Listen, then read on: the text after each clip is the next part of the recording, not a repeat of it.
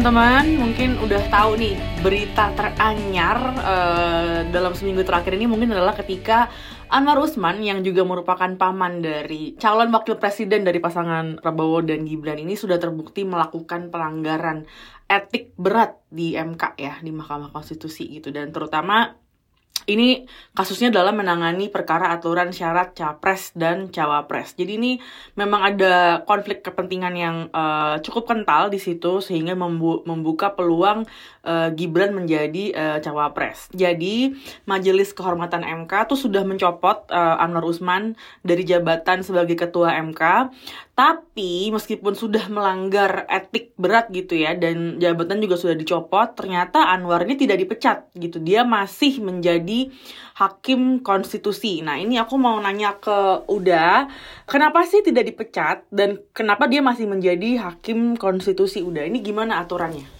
Ya, Lisa. Jadi uh, temuan kita, ya, jadi temuan kita juga sebetulnya sudah muncul ya uh, di hasil investigasi uh, majalah Tempo itu sudah menemukan memang Anwar aktif, hmm. nah, aktif melakukan lobby-lobby, mendatangi masing-masing hakim konstitusi untuk mengegolkan uji materi undang-undang uh, pemilu tentang batas umur usia capres dan cawapres. Nah, kan kita hmm. pernah bahas panjang lebar itu. Jadi temuannya memang sangat telak lah bahwa Anwar Usman itu uh, sekarang paman Gibran panggilan akrabnya paman Gibran. Uh, sebelumnya pamanku datang dari MK kan sekarang paman Gibran. Jadi uh, sangat telak dan dan bukan hanya dia gitu. Jadi satu paket ya. ini satu keluarga Jokowi ini juga bergerak uh, ada yang mendatangi hakim konstitusi, yang ibu-ibunya mendatangi istri hakim konstitusi. Jadi memang gerilya keluarga yang pada hmm. akhirnya menurut nah, nih uh, kita kita melakukan wawancara dengan uh, ketua MKMK ya. Pak Jimli Asidiki dan juga berapa itu kesimpulan mereka itu adalah dipecat nah gitu dipecat hmm. dari hakim konstitusi Hmm. Pastinya Anwar betul-betul keluar gitu. Hmm. Tapi ya, tetapi memang ada salah satu peraturan di Mahkamah Konstitusi, jika ada pemecatan, orang yang dipecat itu berhak melakukan banding, bentuk majelis hmm. banding.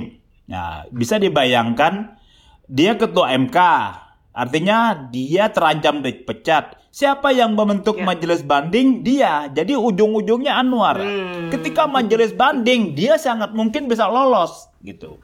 Ya. Akhirnya uh, tiga hakim itu berembuk, tapi satu yang apa uh, Bintan Saragi ya, dosen hmm. Fakultas Hukum ya. Universitas Indonesia, dia tetap dissenting ya. Dia dia tetap karena melihat pelanggarannya kena konflik kepentingan, dia mengadili perkara yang menyangkut keponakannya menurut Bintan uh, Anwar Usman harus dipecat.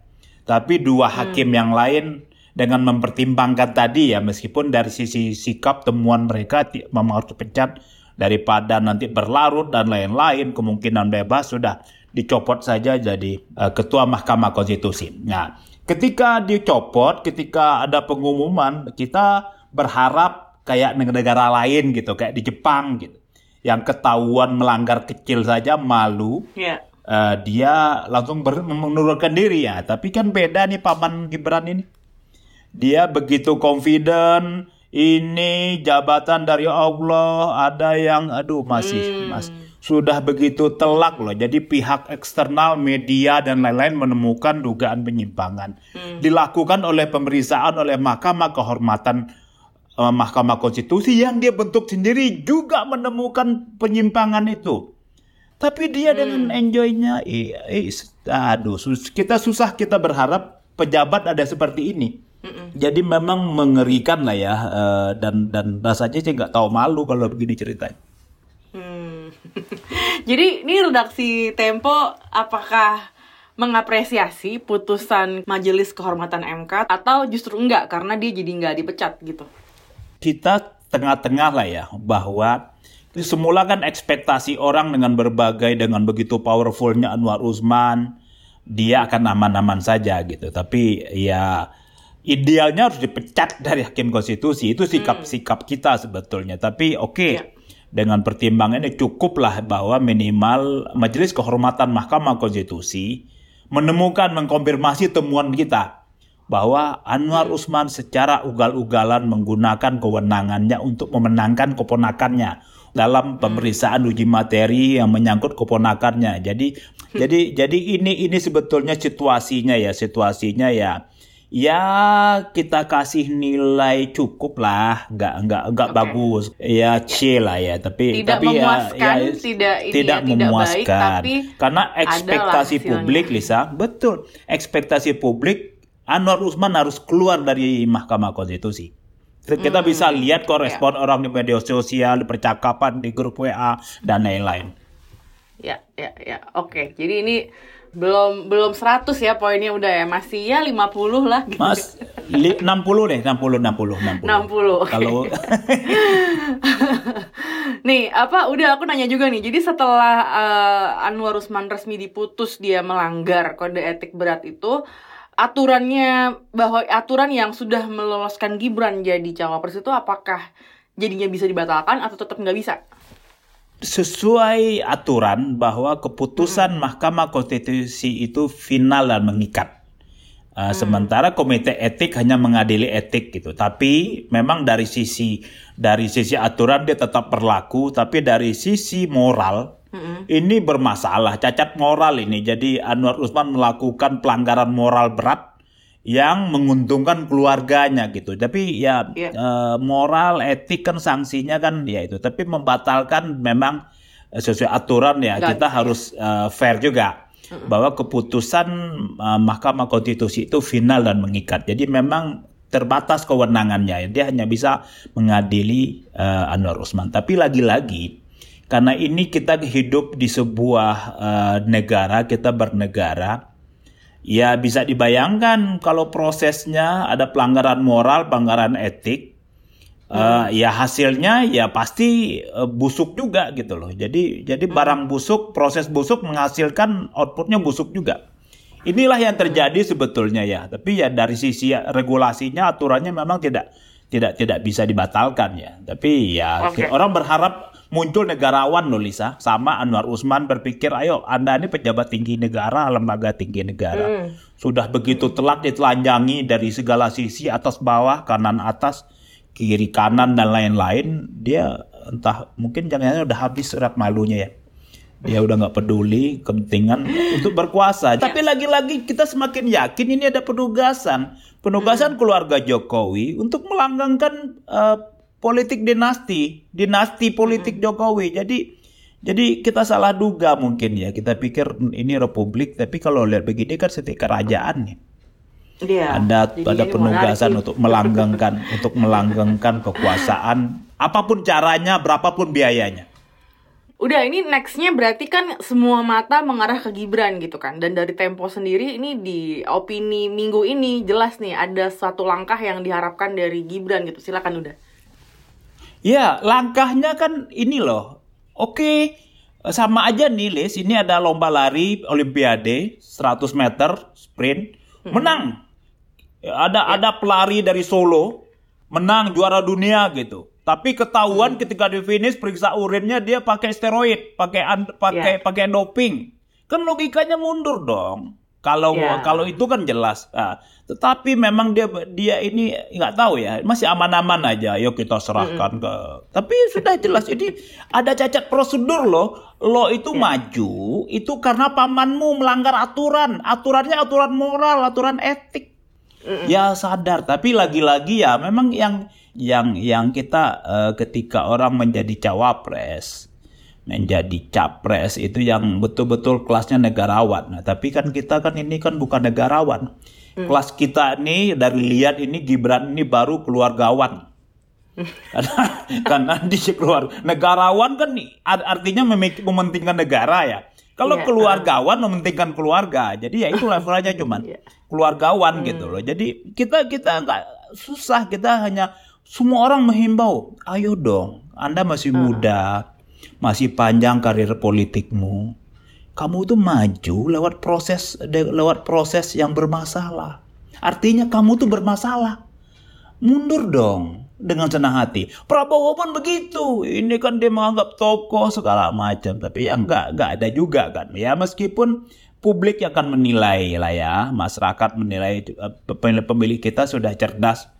Bagaimana lembaga negara dikangkangi begitu saja oleh seorang anggota keluarganya untuk memuluskan keluarganya. Jadi hmm. jadi uh, mahkamah keluarga itu eksis sampai sekarang rasanya. Rasanya susah kita menghapus itu Mahkamah Konstitusi berganti nama menjadi Mahkamah Keluarga kecuali Anwar Usmannya mundur, Gibrannya mundur. Mungkin bisa kita kembalikan Mahkamah ya. Keluarga sudah kembali menjadi Mahkamah Konstitusi.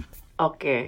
Uh, eh, aku tuh mau nanya sebenarnya udah kalau Gibran mundur nasib Prabowo sebagai calon presiden yang sudah daftar ya ke KPU itu gimana?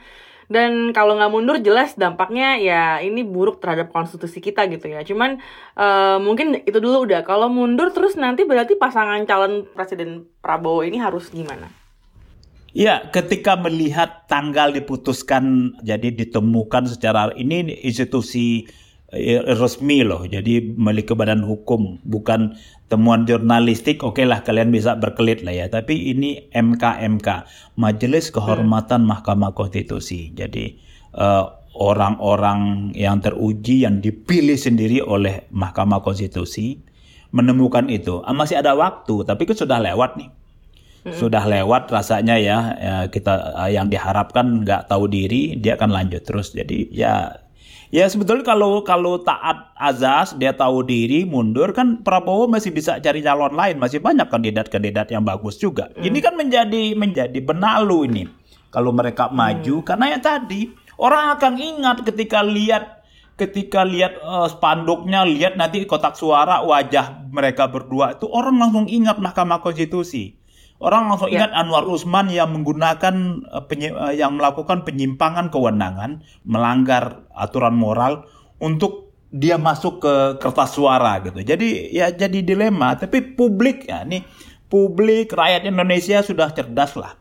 Hmm. Mereka tahu mana yang mana yang orang yang tidak taat prosedur, memaksakan hmm. diri, uh, menyalahgunakan wewenang untuk bisa bertanding dalam kontestasi yang suci sebetulnya. Yeah. Pemilihan presiden itu pemilu itu kan kita kontestasi yang uh, seharusnya dengan riang gembira, orang adu gagasan, orang adu uh, pemikiran konsep untuk memajukan Indonesia. Yang ini kan dia adu adu, adu paman.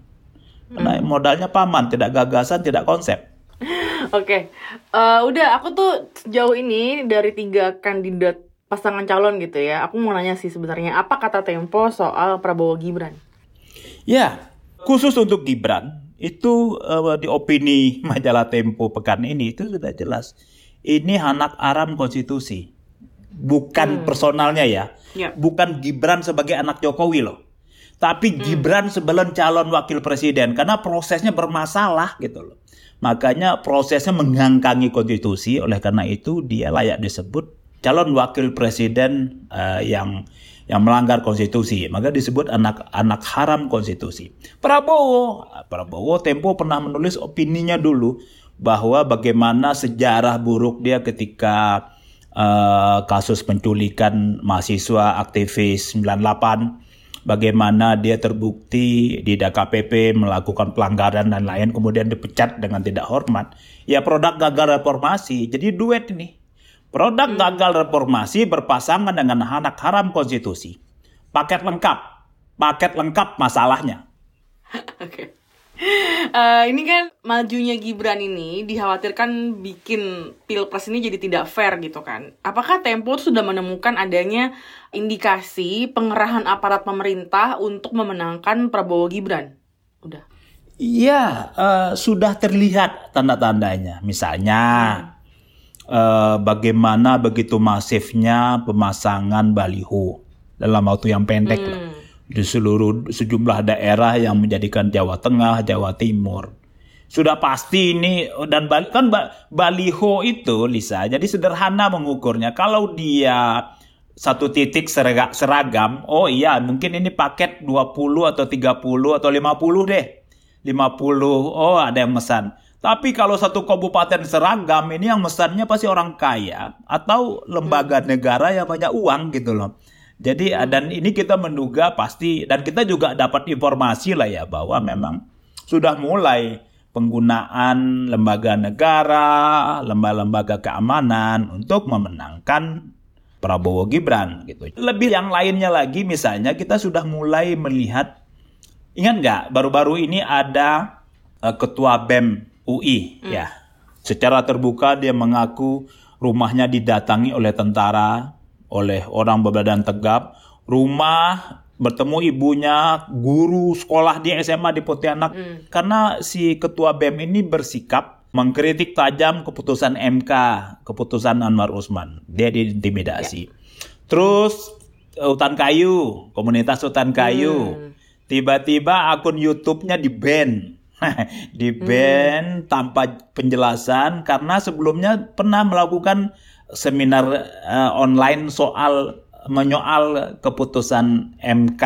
Hmm. Banyak lagi intimidasi hmm. yang perlahan tapi pasti sudah ketahuan nih aktornya siapa yang main hmm. segala macam puncaknya adalah sebetulnya adalah kepemilihan ketua MK kemarin MK yang baru hmm kita lihat kan ada ada tiba-tiba ada orang yang tidak diunggulkan kemudian terpilih gitu. Nah, ya ini lagi-lagi memang permainan panjang dan dan aktornya itu itu aja. Hmm. dan ini mencemaskan ya mencemaskan ketika Anwar Usman masih bertahan ketika penggunaan aparat uh, keamanan. Kita akan memper, me, menyaksikan potensi terjadinya pemilu yang tidak adil ya pemilu yang tidak ya. adil. ya dan ketika tidak adil itu siapa pengadilnya? Mahkamah Konstitusi. Bawaslu nanti misalnya terjadi dispute soal jumlah suara kan Mahkamah Konstitusi yang mengadili. Mahkamah Konstitusi pamannya masih di sana.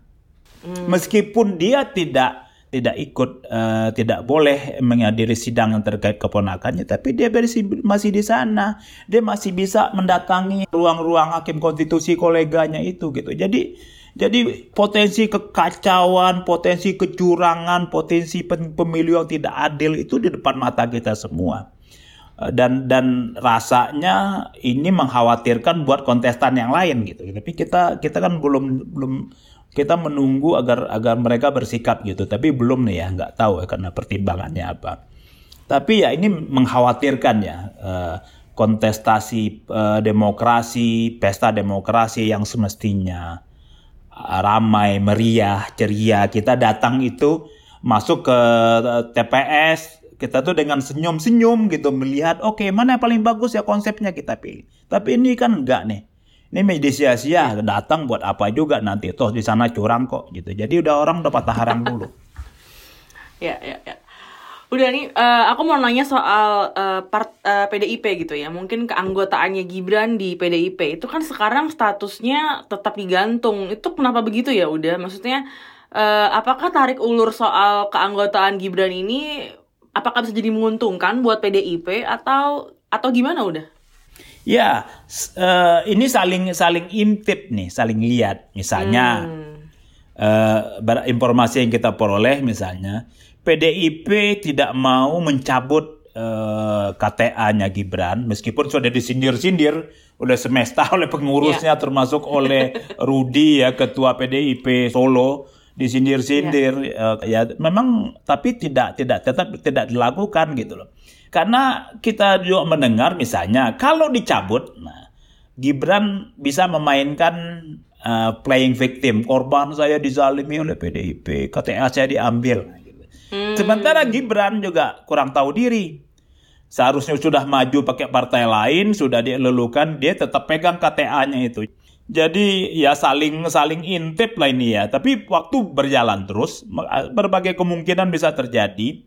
Siapa yang lebih dulu berinisiatif gitu ya. Tapi memang sudah fatsun politiknya sudah kacau balau nih. Ada orang punya, hmm. punya KTA tapi diusung oleh partai lain, dia tetap bertahan KTA-nya.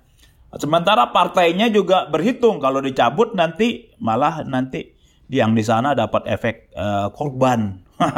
ya ini kan kita kan memang negeri gampang terharu nih.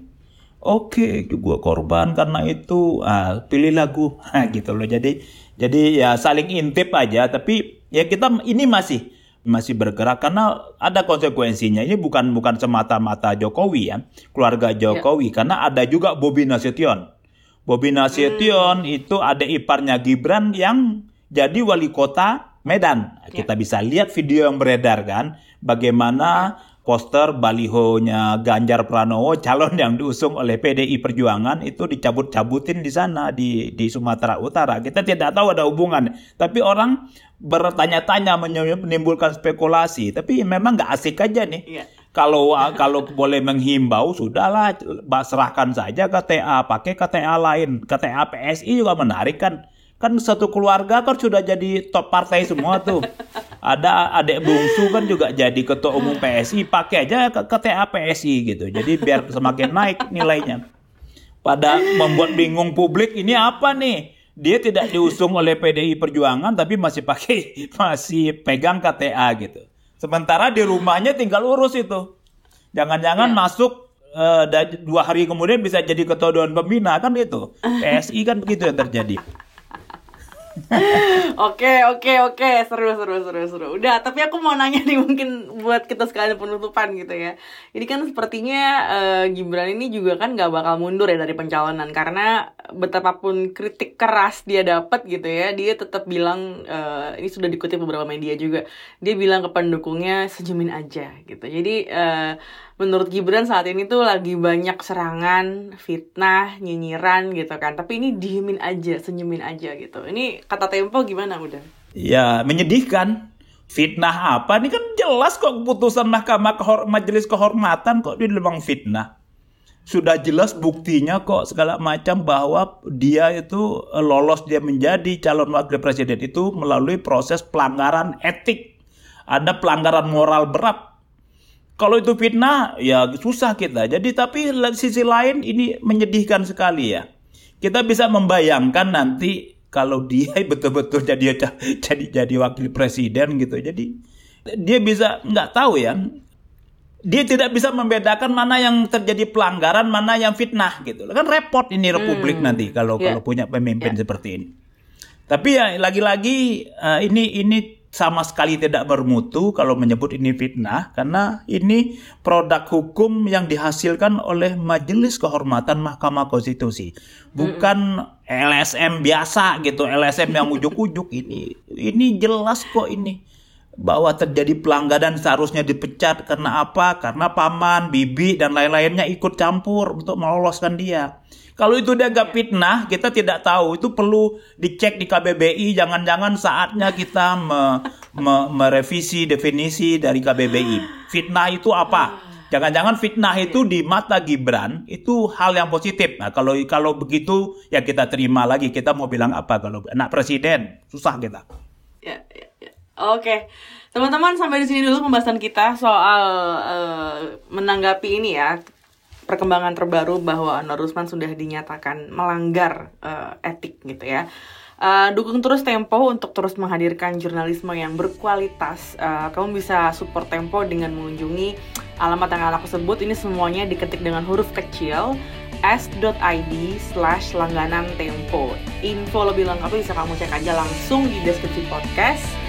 Dan terima kasih sudah mendengar sampai akhir. Kita akan jumpa lagi pekan depan. Dadah.